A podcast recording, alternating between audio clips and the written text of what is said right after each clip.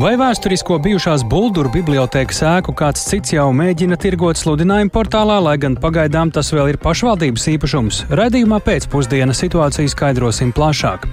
Šodien sākusies tiesa, kurā Krievijas programma Dožģ apstrīd apraides atļaujas atņemšanu Latvijā. Radījumā ieskats līdz šim tiesas sēdē izskanējušajos argumentos. Bet akustiskās koncerta zāles, jeb Rīgas filharmonijas tapšanās pērts nākamais solis izvēlēti seši labākie no vairāk nekā 30 konkursā iesniegtajiem metiem. Par to visu plašāk tūdaļ ziņu raidījumā pēcpusdienā kopā ar mani Tāli Eipuru.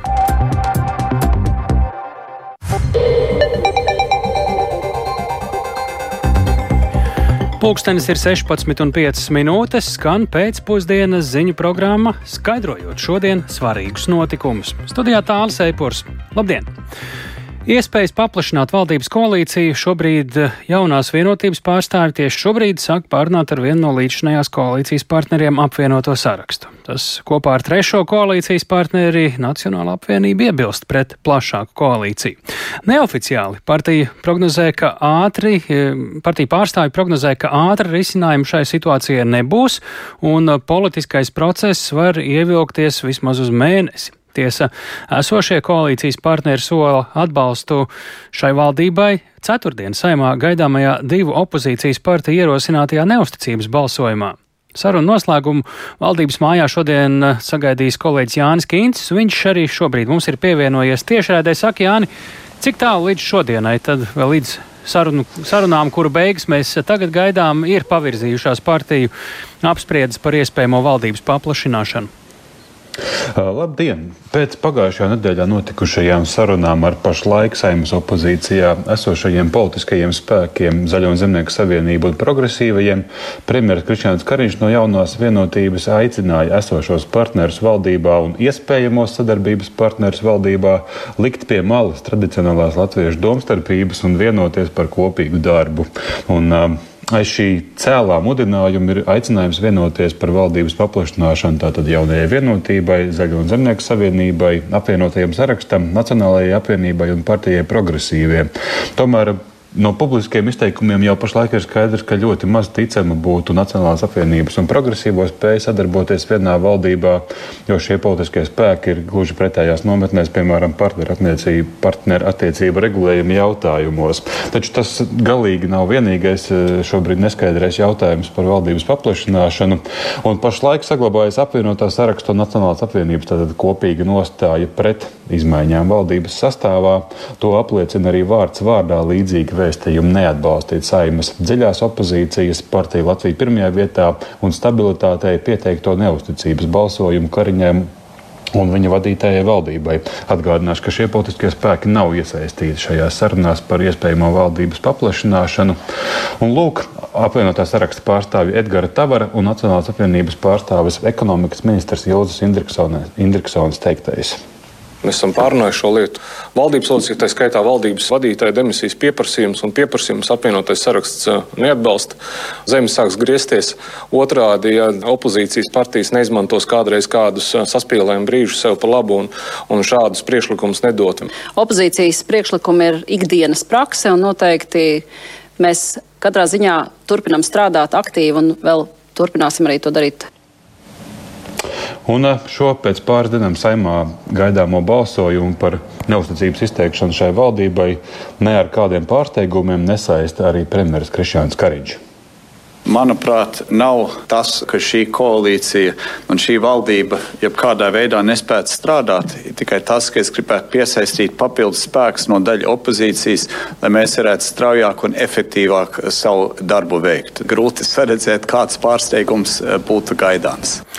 Tā tātad Krišjāns Kariņš nu, izskatās, ka var droši prognozēt, ka šīs vienas daļas no opozīcijas viedoklis par šīs valdības darbības beigšanu neizies cauri ceturtdienas saimā, bet saka Jāni, cik ilgi varētu ilgt šie valdības paplašināšanās centieni, sarunas, un vai kaut kur neparādās arī kaut kādi citi scenāriji, kā varētu turpmāk strādāt?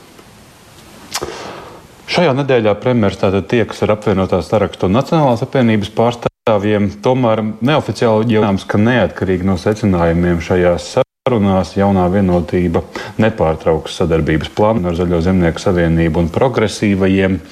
Un šodien mm, tā bez ieraksta aprunājoties ar atsevišķiem partiju pārstāvjiem, sadzirdēju, ka šo politisko procesu arī nesasteigšot, un viens no apsvērumiem būtu nepieļaut kaut kādu politisku krīzi valdības darbā līdz NATO samitam Viļņā vai tā laikā, tātad 11. un 12. jūlijā, gandrīz pēc mēneša. Tas vienkārši būtu tāds slikts signāls. Un vienlaikus norāda uz valdības sarunu nesteidzināšanu intervijā Raidījumā Krustpunktā pagājušajā nedēļā sniedz arī esošais valsts prezidents Egils Levits, kura pilnvaras amatā beigsies 8. jūlijā, un pretēji iepriekš paustajam Levits izteicās, ka valdības krīzes gadījumā viņš nevēlētos nosaukt citu premjer, eh, jauno premjeru kandidātu un to atstātu nākamā valsts prezidenta Edgara Rinkēviča rokās. Egilam Levitam esot bažas, ka ZZS iesaistīšana valdībā Latvijai varētu radīt reputācijas problēmas saistībā ar zināmām oligarhiskām ietekmēm, tā viņš teica raidījumā Krustpunktā. Un noslēgumā piebildīšu, ka kādas skaidrākas vēstījumi no premjera un jaunās vienotības puses par turpmāko valdības darbu varētu būt sagaidāmi ceturtdien pēc sarunas ar Nacionālo apvienību. Tomēr vispirms sagaidīsim arī šīs pēcpusdienas sanāksmes noslēgumu. Tā saistībā ar valdības sēdes no, iekavēšanos šķiet nedaudz arī sāksies vēlāk šajā pēcpusdienā. Tāli. Paldies, Jāni. Tad arī ziņosim par šīs sarunas norisi un iznākumu. Un tik tiešām no izteikumiem, kurus tev aizkadrāja, tā teikt, ir apliecinājuši politiķi agrāk par mēnesi, būtisks kustības varētu arī nenotikt. Bet eh, turpinot eh, Latvijas radio redzējumu pēcpusdienu, mēs eh, pievēršamies Ukrainas un aizsardzības tematikai. Atbalsts Ukrainai un zemūdens infrastruktūras aizsardzība. Tie ir divi centrālie temati šodien Amsterdamā notiekošajā apvienoto reaģēšanas spēku dalību valstu sanāksmē. Tie, tā ir Lielbritānijas vadīta desmit valstu grupa, un tajā ietilpst arī Latvija. Aizsardzības ministri tieks laikā, kad turpinās nākamā NATO ģenerālsekretāra meklēšana, un Lielbritānija, kā savu kandidātu, ir izvirzījusi šajā sanāksmē klātesošo aizsardzības ministru Benu Vallesu. Nīderlandes jūras spēku bāzē Amsterdamā šobrīd atrodas arī mūsu korespondents Arķems Konohovs. Ar viņu esam sazinājušies tieši redē. Labdien, Arķem! Un vispirms lūdzu īsi atgādini, kas ir uh, apvienotie rēģēšanas spēki un uh, kādas valstis tur vēl bez Latvijas un Lielbritānijas ietilpst. Labdien, tālu, labdien, klausītāji! Tik tiešām apvienotie rēģēšanas spēki, tas ir tāds desmit valstu veidojums Jums, kurā ir ne tikai Lielbritānija un Latvija, bet arī visas Skandināvijas valstis un arī dzen Īslande. Un šis ir tāds formāts, kas varbūt bija īpaši interesants, kad vēl Skandināvijas valstis, Zviedrija un Somija nebija pieteikušās dalībai NATO, un tāpēc tas ļāva arī strādāt ciešākā sazobē ar šīm valstīm. Un kā norāda aizsardzības ministrija, tad Latvijai lielākais iegūms šeit ir tas, ka tiešām mums ir iespēja padarīt padziļināti strādāt ar Lielbritānijas aizsardzības spēkiem un arī mācīties no viņiem. Un arī šeit, šajā sanāksmē, piemēram, ne tikai notiek politiskās diskusijas, bet arī tiek izspēlēts kāds uh, iedomātā apdraudējuma vai krīzes scenārijs un tiek mēģināts uz to rēģēt kopīgi. Jā, Arčom, kā tad tur ir, ko mēs šobrīd varam sagaidīt tieši no šīs dienas sanāksmes? Šīs dienas sanāksmē, protams, centrālais jautājums ir Ukraina. Par to tiek runāts ļoti dažādos formātos, sevišķi gaidot eh, arī NATO aizsardzības ministru tikšanos, kas būs eh, ceturtdien un piekdien Briselē šonadēļ. Un arī, protams, ir svarīgi aprunāties tādā mazākā formātā, gatavojoties, eh, lai saprastu, kāds ir dažādu valstu viedoklis. Daudz mēs dzirdam arī par to, ka tiešām tiek runāts kā, nu, no tā, cik veiksmīgi Ukraina spēs tagad veikt savu uzbrukumu, būs atkarīgs arī tālākais atbalsts šai valstī, un arī, protams, šeit Baltijas valstis var izteikties par šo. Un neapšaubāmi vēl viens būtisks temats, kas tiek apspriests, ir arī visas zemūdens infrastruktūras aizsardzība. Mēs zinām, ka sprādziens gāzes vadā Nord Stream 2 un 1 arī dzen ir licis tiešām no jauna aizdomāties par šīs kritiskās infrastruktūras aizsardzību, un dažādos formātos tagad tiek domāts par to, kā lai apvienot spēku spēkus, lai veiksmīgāk aizsargātu gan dažādus gāzes starpsavienojumus, elektrības starpsavienojumus un daudz ko citu. Jā, pilna jūras dzelme ar dažādu veidu svarīgu infrastruktūru, bet ja sarunas sākumā pieminējām runāšanu arī par jaunu NATO ģenerālsekretāru meklēšanu un Lielbritānijas aizsardzības ministra Bena Volesa kandidatūru, kāds tad vispār izskatās tieši viņa izredzes kļūt par nākamo NATO ģenerālsekretāru? Viņš ir viens no tādiem, es teiktu, redzamākajiem kandidātiem šobrīd, un man arī šķiet, ka šī tikšanās tiek izmantota vismaz tās publiskā daļa, lai viņš varētu parādīt sevi un parādīt sevi gan ministriem, gan sabiedrībai, gan savas spējas, runāt par dažādiem jautājumiem, vadīt. Tā kā kaut kādā mērā šī sanāksme ir arī viņa veids, kā sevi pasniegt un prezentēt, jo faktiski izvēle būs jā, jāizdara tūlīt. Jūlijā mēs uzzināsim, visticamāk, kas būs nākamais NATO ģenerālsekretārs, bet lēmums tiks pieņemts iepriekš, tāpēc šobrīd notiek visnotaļ sīva sacensība starp to, kurš tad varētu būt. Un tad tie divi kandidāti, par kuriem tiek runāts šobrīd, ir Bens Volis un arī Dānijas premjerministre Mette Fredriksēna. Bet, nu, skatīsimies, kāds būs šīs iznākums un vai valstīm vispār izdosies vienoties par šo.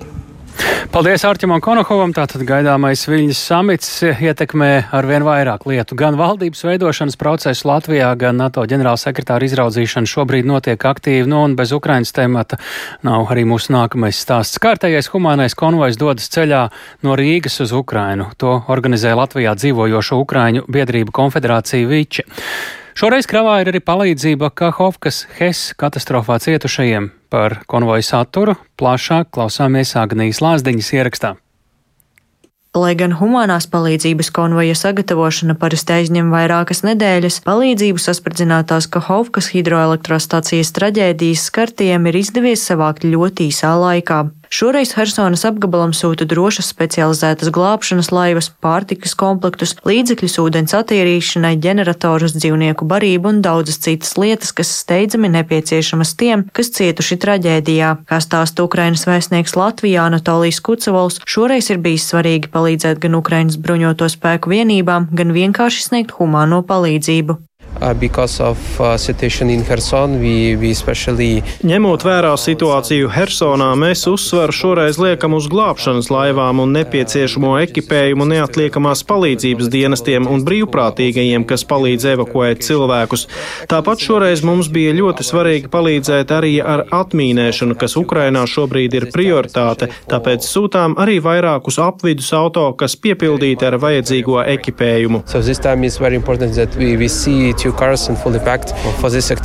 Arī labdarības organizācija Ziedot LV piedalās konvoja organizēšanā, šoreiz sūtot ar glābšanu saistītu ekipējumu, kā laivas, cimdus, apģērba ģeneratorus, atsūknēšanas stācijas, kā arī pirmās nepieciešamības preces. Mēs nedrīkstam aizmirst to, kas notiek Ukrainā, jo tas ir arī stāsts par mums, un cilvēki to apzinās. Tā stāsta Ziedot LV vadītāja Rūta Dimanta. Šī konvojā mēs Ziedot LV par saziedoto naudu sūtam tieši Kahofkas Hes Eh, sprādzienu radīto seku novēršanai. Un tas arī ir pateicoties Latvijas rādio, kuri ir aicinājuši tieši iedzīvotājus ziedot. Un eh, pirmais sūtījums eh, nepilnīgi 40 tūkstoši eiro apmērā sāk ceļu uz Ukrajinu. Tāpat palīdzība nonāks arī pie citām bruņoto spēku vienībām, sūtotām visas pirmās nepieciešamības lietas, kā dronus, laivas, motors, formas tērpus, pārtiku, planšetes, instrumentus un daudz ko citu. Agnija Lazdiņa, Latvijas radio. Šodien administratīvā rajona tiesa Rīgā sāk skatīt Krievu neatkarīgajam medijam Dožģ, jeb Sijā TV Reina Latvijā atņemtās apraides atļaujas lietu. Tas ir pirmais gadījums, kad Nacionālā elektronisko plašsaziņas līdzekļu padome atņēmusi apraides atļauju kādam televīzijas kanālam valsts drošības apdraudējumu dēļ. Dožģ pārraides no Rīgas sāka pagājušā gada jūlijā, bet decembrī tās jau bija jāpārtrauc. Mēdījis, kas nu jau raida no Nīderlandes, izlēma tiesā prasīt atcelt Latvijas regulātoru lēmumu.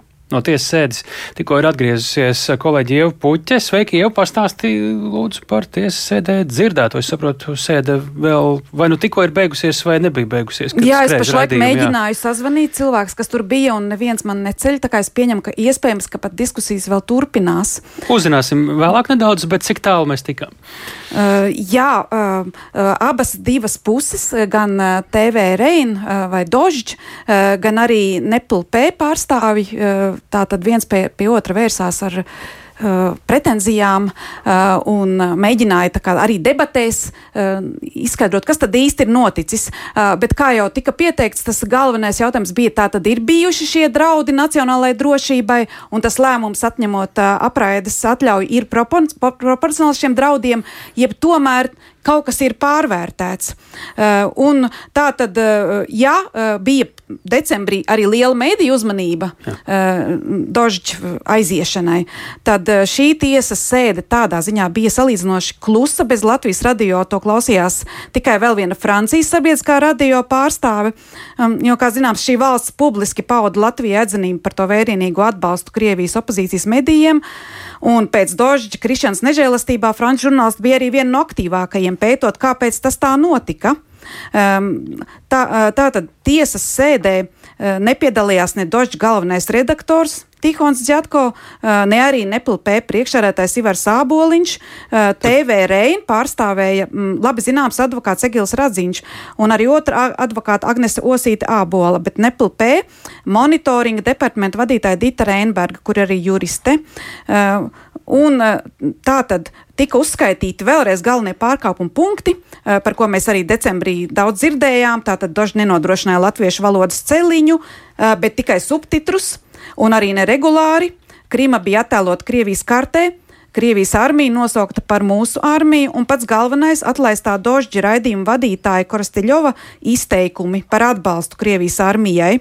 Um, Dožģa advokāti uh, runāja par kļūdu iespēju ēterā uh, un to, ka telekanāls šo raidījumu vadītāju tūlīt arī atlaida. Uh, savukārt pašam Nepilpē vadītājam Ivaram Āboliņam uh, sociālajos tīklos uh, 2013. 14. gadā ir sanācis izteikt atzinību kaimiņu valsts prezidentam Putinam un negatīvi izteikties par procesiem Ukrainā.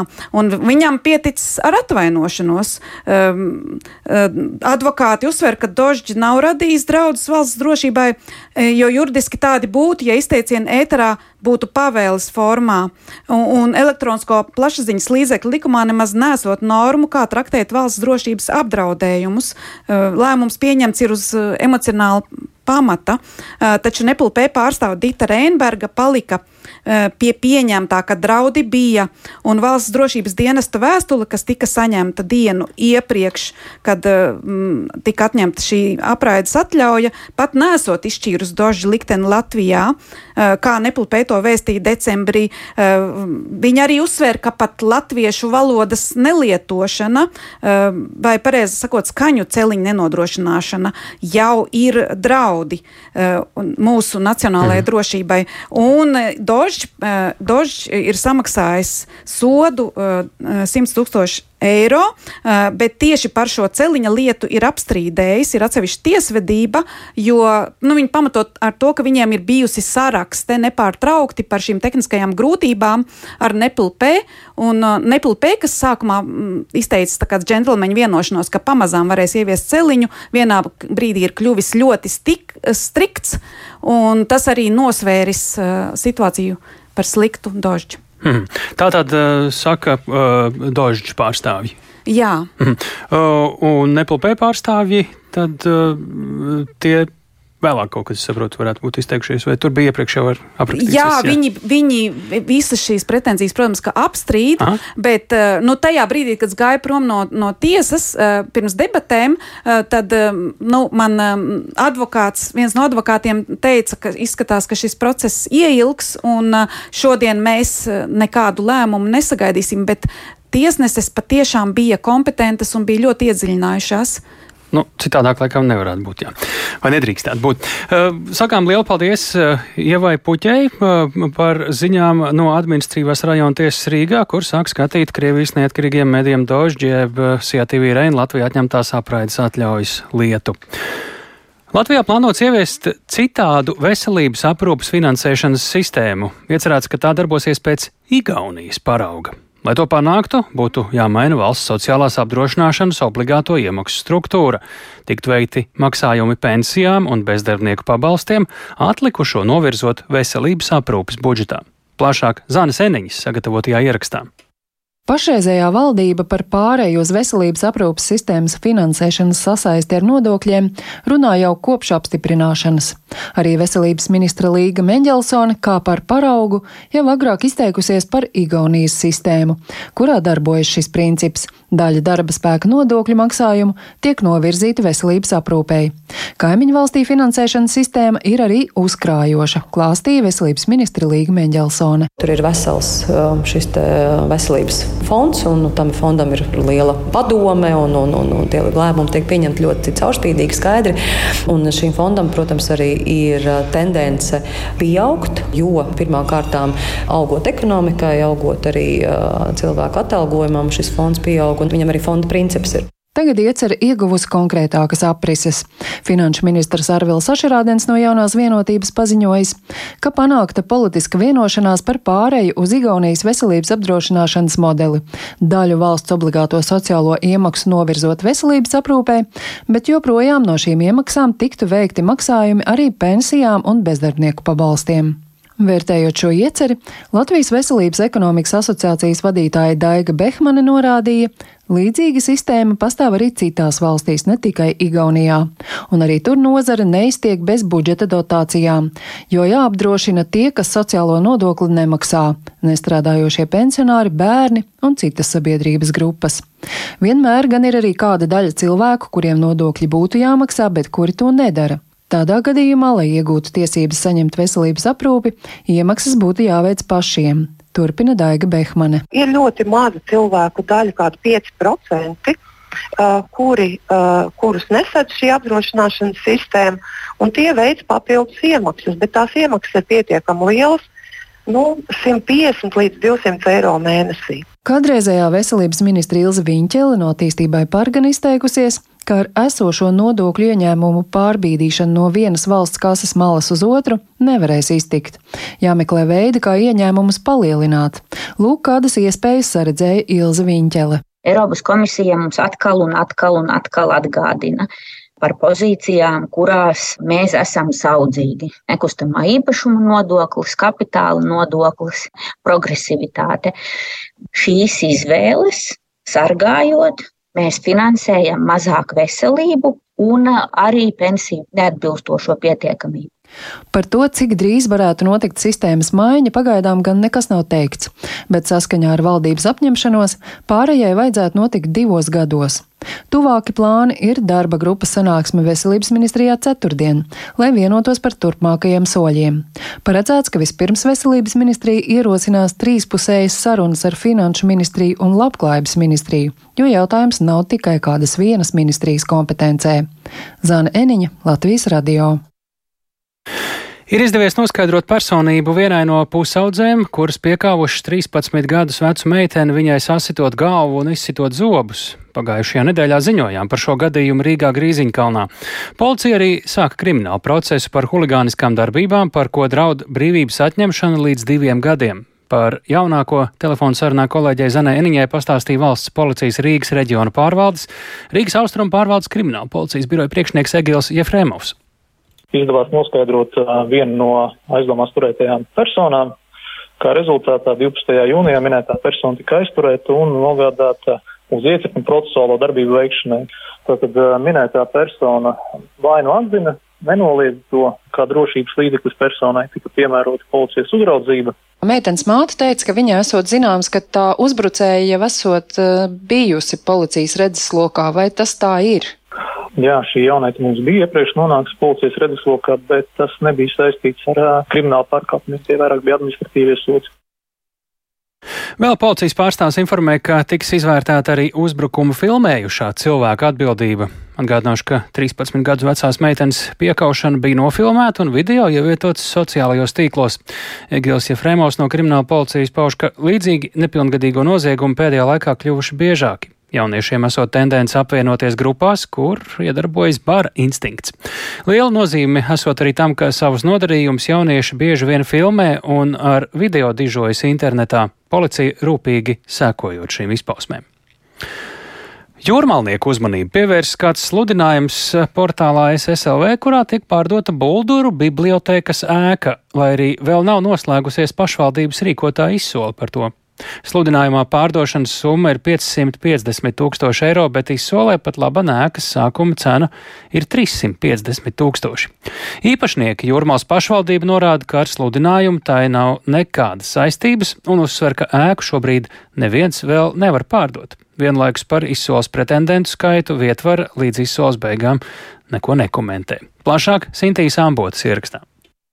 Pretēji vietējo iedzīvotāju iebildēm Jūrmalas doma šopavasar lēma vēsturisko Bulduru bibliotēkas ēku nodot izsolē par aptuveni 350 tūkstošiem eiro.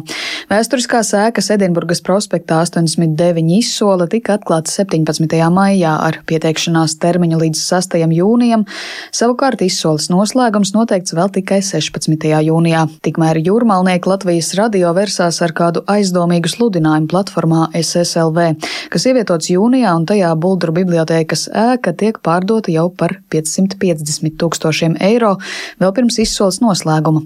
Sludinājumā teikts Bulduru bibliotēkas ēka, zeme 1445 km2, pilsētas komunikācijas, gāzes apkure, mūra ēka, dzelzbetona pārsegumi. Sludinājumā pievienotas arī ēkas fotografijas, plānojums un izklāstīti iespējamie izmantošanas veidi. Jūrmals doma norāda, ka izsole vēl ir procesā un ar minēto sludinājumu vietvarai nav saistības.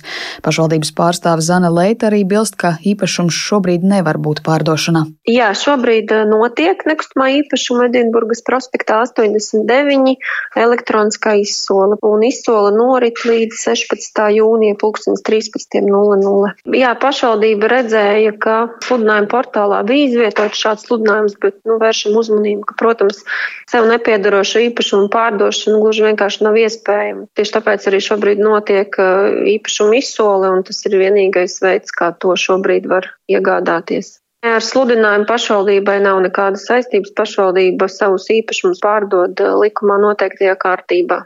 Izsoles norises laikā mēs nevarēsim sniegt uh, informāciju par, par dalībniekiem. To tikai pēc izsoles norises beigām. Tiesa gan minētais sludinājums SSLV meklētājā vairs nav pieejams, bet tas ir arhivēts un pēc pieprasījuma pieejami arī divi telefona numuri zem sludinājuma. Taču zvanot uz abiem numuriem, to īpašnieki noliedz, ka būtu kāda saistība ar sludinājumu un sauc to par kādu kļūdu.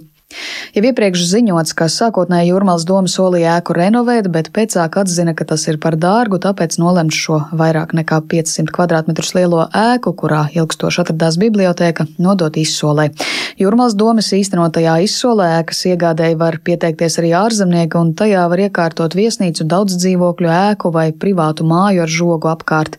Pret to savukārt iebilda iedzīvotāji no Bulduru bibliotēkas, aktīvo aizstāvju grupas un aicināja pašvaldību šo ēku renovēt renovēt, tajā veidot vienotu pilsētnieku kopienas centru un saglabāt atvērto telpu pieejamu ikvienam. Sinti Ambote, Latvijas radio. Nu, par tēmatu, kas satrauc eh, nevienu pašvaldību, īpaši jau, protams, Rīgu, elektroskrējēju braucēji traumas pēdējo gadu laikā Latvijā gūst ar vien biežāk. Ārstu saceltās trauksmes dēļ satiksmes ministrija šodien paziņoja, ka šovasar plāno ieviest stingrākus noteikumus. Elektroskrējēju braucējiem obligāta būs ķivere, un, lai pārvietotos, vajadzīgs būs arī tiesības. Plašāk Viktora Demīdova ierakstā.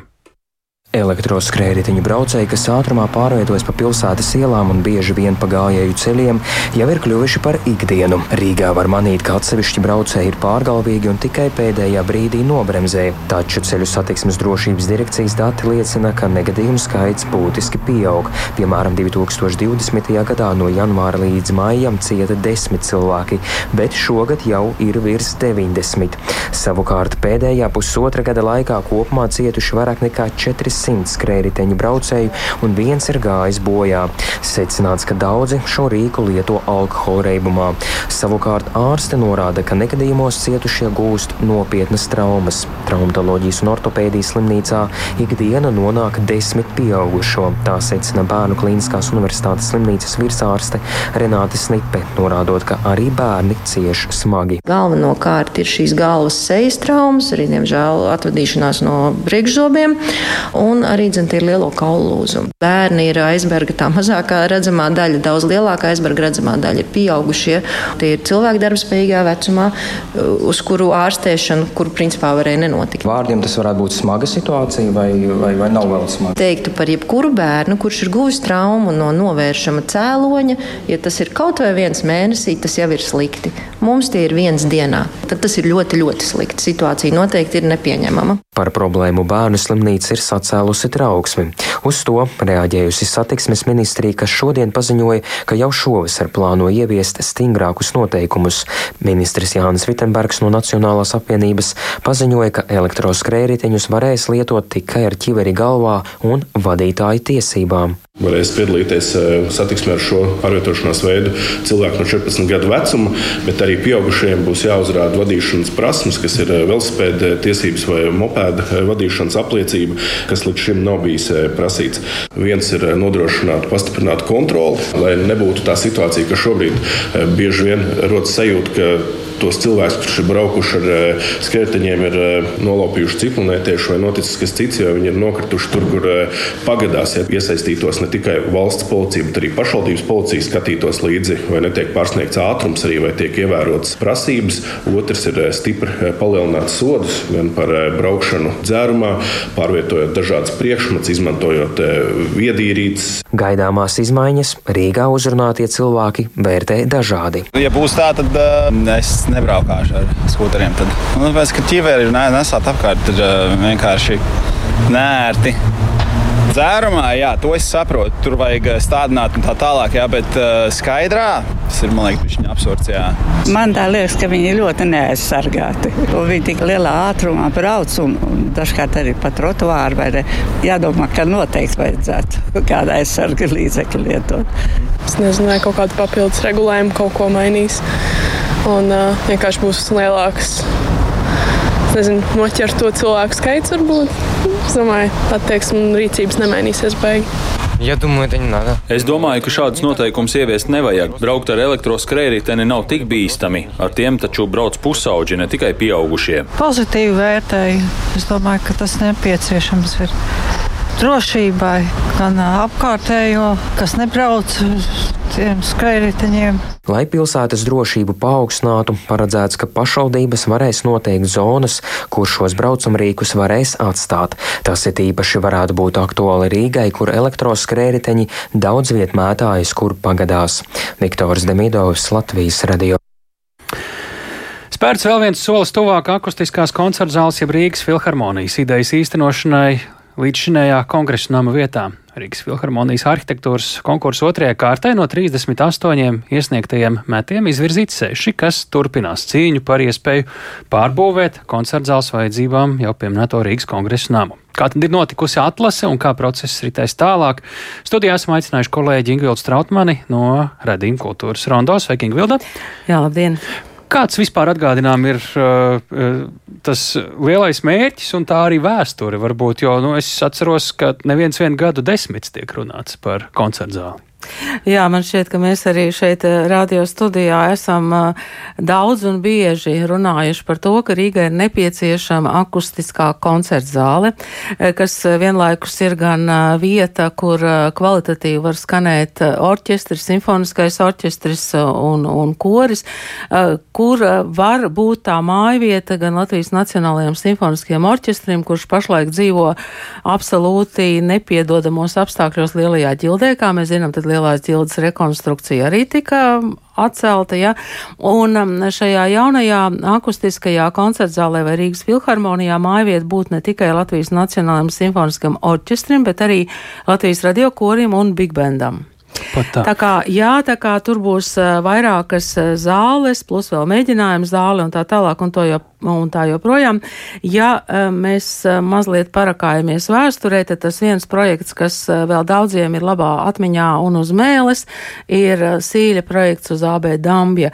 Mm, mēs zinām, ka tur radās problēmas vai nu, negribēts risināt problēmas, kas saistās ar piebraukšanu, bet tur būtu jādzen pāļi un tā tālāk. Man jau ļoti sarežģīts tas stāsts viss bija, ambiciozs un sarežģīts. Jā. Sarežģīts, bet joprojām daudziem šķiet, ka tas būtu bijis īstais. Tad mēs zinām, ka kultūras ministrs Nauris Puntulis tā kā izmeta tādu zaķi no cepures namu Elizabetes ilā divi. Mm, tad sākās atkal jaunas diskusijas, un tad tā tad tomēr pilsēta, valsts un arhitekti vienojās par Rīgas kongresa namu, Labi. kuru tā.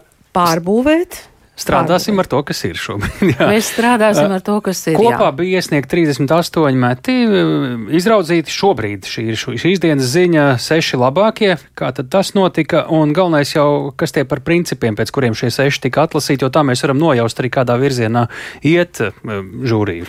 Jā, vakar pēcpusdienā žūrijas priekšsēdētājs arhitekts Gatis Didriksons man um, kongresnamā izrādīja šos projektus. Ja jūs iesiet kongresnamā un gribēsiet paši apskatīt, izskatīt, tad uh, viņi ir izlikti, šie projekti ir izlikti trijos stāvos, oh. sākot no pirmā stāva iesniegšanas secībā. Ah. Un apskatīt var, es saprotu, līdz 15. vēl līdz ceturtdienai. Tā. Jā. Jā, un tad pie sešiem projektiem, kas ir izvirzīti otrajai kārtai, ir pieliktas tādas zīmītes Rīgas filharmonija brūns, nu jūs nepaiesiet garām. Ja? Mhm. Tātad visos trijos stāvos meklējiet šos sešus projektus. Um, tie principi ir bijuši ļoti komplicēti, protams, vispirmām kārtām akustika. Tātad, uh, lai varētu nodrošināt labu akustiku, ir nepieciešams palielināt zāles kubatūru, un kas nozīmēs visticamāk jumta pacelšanu. Pamatīgi pārbūve. Jā, jā, jā. Tad eh, tālāk visi jaunie Eiropas Bauhaus principi, un uh, tur arī tiek akcentēti materiāli, ilgspējība, uh, visu iespējamo materiālu pārstrāde, kas varētu būt vienā projektā bija īpaši akcentēts. Un uh, tad, protams, lai šī māja būtu tāda draudzīga un atvērta cilvēkiem, gan tiem, kas uh, tur spēlēs, uh, gan tiem, kas, tā kā mēs ar tevi iesim klausīties. Ja? Mm. Nu, mēs uh, detaļās neaprakstīsim aprakstīsim, bet nu, kāds iespējas tev paliks skatoties uz šiem sešiem? Jebkādus iespējas padalīties ar klausītājiem. Man šķita visinteresantāk tas, eh, kā tiek tas uh, zaļais uh, bulvāru loks vai zaļā josta Rīgai. Tā tiek atvērta ar to māju un arī tiek atvērta telpa uz kanālu, kur šobrīd ir tāda stūrīgs. nobloķēta Jā. ar to piebūvi. Ja? Mm. Un tās idejas par terasēm, kafēnīcām un mūziku tam kanālam otrā pusē, kur ūdens atstaro un tā tālāk lielāku saulrieti. Es domāju, ka mm, tā ideja daudzos šajos projektos ir apdzīvot visu mhm. šobrīd it kā pamirušo kongresnam apkārtni. Tas ir viens no priekšnoteikumiem, lai tā būtu. Jā, un mēs varam paklausīties, ko saka Gatis eh, Didriksons. Viņš piemin arī, kādi tad bija žūrijas pārstāvji koncepts stadija, no kuras mēs izvēlamies sešus, bet diez vai teiksim, te var paņemt, ka šitādi izskatīsies Rīgas filharmonija. Mēs varam nojaust, mm -hmm. jo mums visiem darbiem ir nu, rekomendācijas, apraksts, ko mēs īsti vēlamies. Jo jāsaprot, ka nu, tas konkurss tā ir drusku arī minēšana, lai cik daudz mēs neuzrakstītu. Mums nav atgriezniskās saites. Moments ir, kad mēs kā pasūtītāji, kā, nu, kā arī žūrija, kas ļoti labi zina tos uzdevumus, mēs varam kā, dot atgrieznisko saiti, un tam autoriem ir iespēja savus darbus uzlabot. Mērķi ir anonīmi līdz pat beigām. Un mēs Tātad rakstam šajā darbā, ir tas ir labi, tas ir labi, tas ir forši. Bet mums tā kā jāpalīdz tiem darbiem kļūt vēl labākiem. Ja kāds kaut ko ir ļoti labi izdarījis, bet kaut ko mazāk labi, tad mēs sakām ļoti tieši. Mums izskatiet, varbūt tādas iespējas. Mums neapmierina tās. Žūrijā ir gan mūzikas, teiksim, menedžmenta pārstāvji, gan rezidenti, ja, gan arhitekti, gan ainavu speciālisti un, un, un tā tālāk. Un bija tehnisko žūrijas ziņojums, kur atkal visdažādākie speciālisti mums noziņoja. Gan par aizskatu uz visām lietām, jo jāsaprot, ka mēs būvējam māju mūziķiem galvenokārt. Tā Gats Didriksons, žūrijas vadītājs. Um, kas tālāk notiek? Tagad, kad šie seši ir izraudzīti? Tālāk Met? notiek, notiek šī komunikācija ar šo sešu projektu, joprojām, tā teikt, tikai ar devīzēm atpazīstamo projektu autoriem. Tas, ko Gatis teica, tiek dotas vai nu norādes vai rekomendācijas, un šie arhitekti strādā tālāk. Un tad nu, līdz gada beigām varētu būt zināms tas viens uh, projekts, pēc kura tad arī tiktu būvēta Rīgas uh, filharmonija vai akustiskā koncerta zāle. Es paskatījos tos uh, lielos plānus. Uh, 29. gads tur ir ierakstīts kā iespējamais ka tiks akustiskā koncerta zāle atvērta, bet es domāju, ka gan ziņu kolēģi, gan pētnieciskā žurnālistikas kolēģi jau rūpīgi sekos tam procesam līdzi, gan finansēm, gan būvniecībai, jo mēs zinām, ka nu, visi šie procesi ir ilgi un sarežģīti. Nu, kaut vai paskatāmies laikmatīgās mākslas muzeja projektu. Jā, kuram būvētļauja drīz beigsies. Um, nav zināms, kas ar to notiks. Mm. Un uh, jaunais Rīgas teātris, daži jaunā Rīgas teātra aktieri, kuriem jautā, kad viņi domā atgriezties Lāčplēšajā sēkā, saka, es par to negribu runāt. Tas arī kaut ko nozīmē.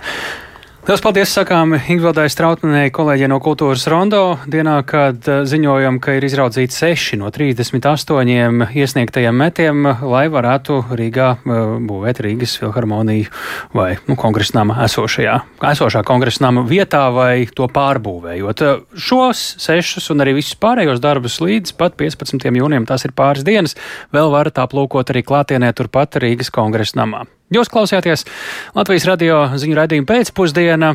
Studijā bija tāls eipurs, raidījumu veidoja Ilza Aginta, Kaspars Groskops, Kristaps Runģis, un pavisam noteikti, ja vēlties šo raidījumu klausīties eh, vēlreiz vai dalīties ar kādu citu šajā raidījumā, eh, tad eh, tveriet pēc Latvijas radio mobilās lietotnes, tur tas raidījums jau pēc neilga brīža būs pieejams ikvienam. Visu labu līdz rītam!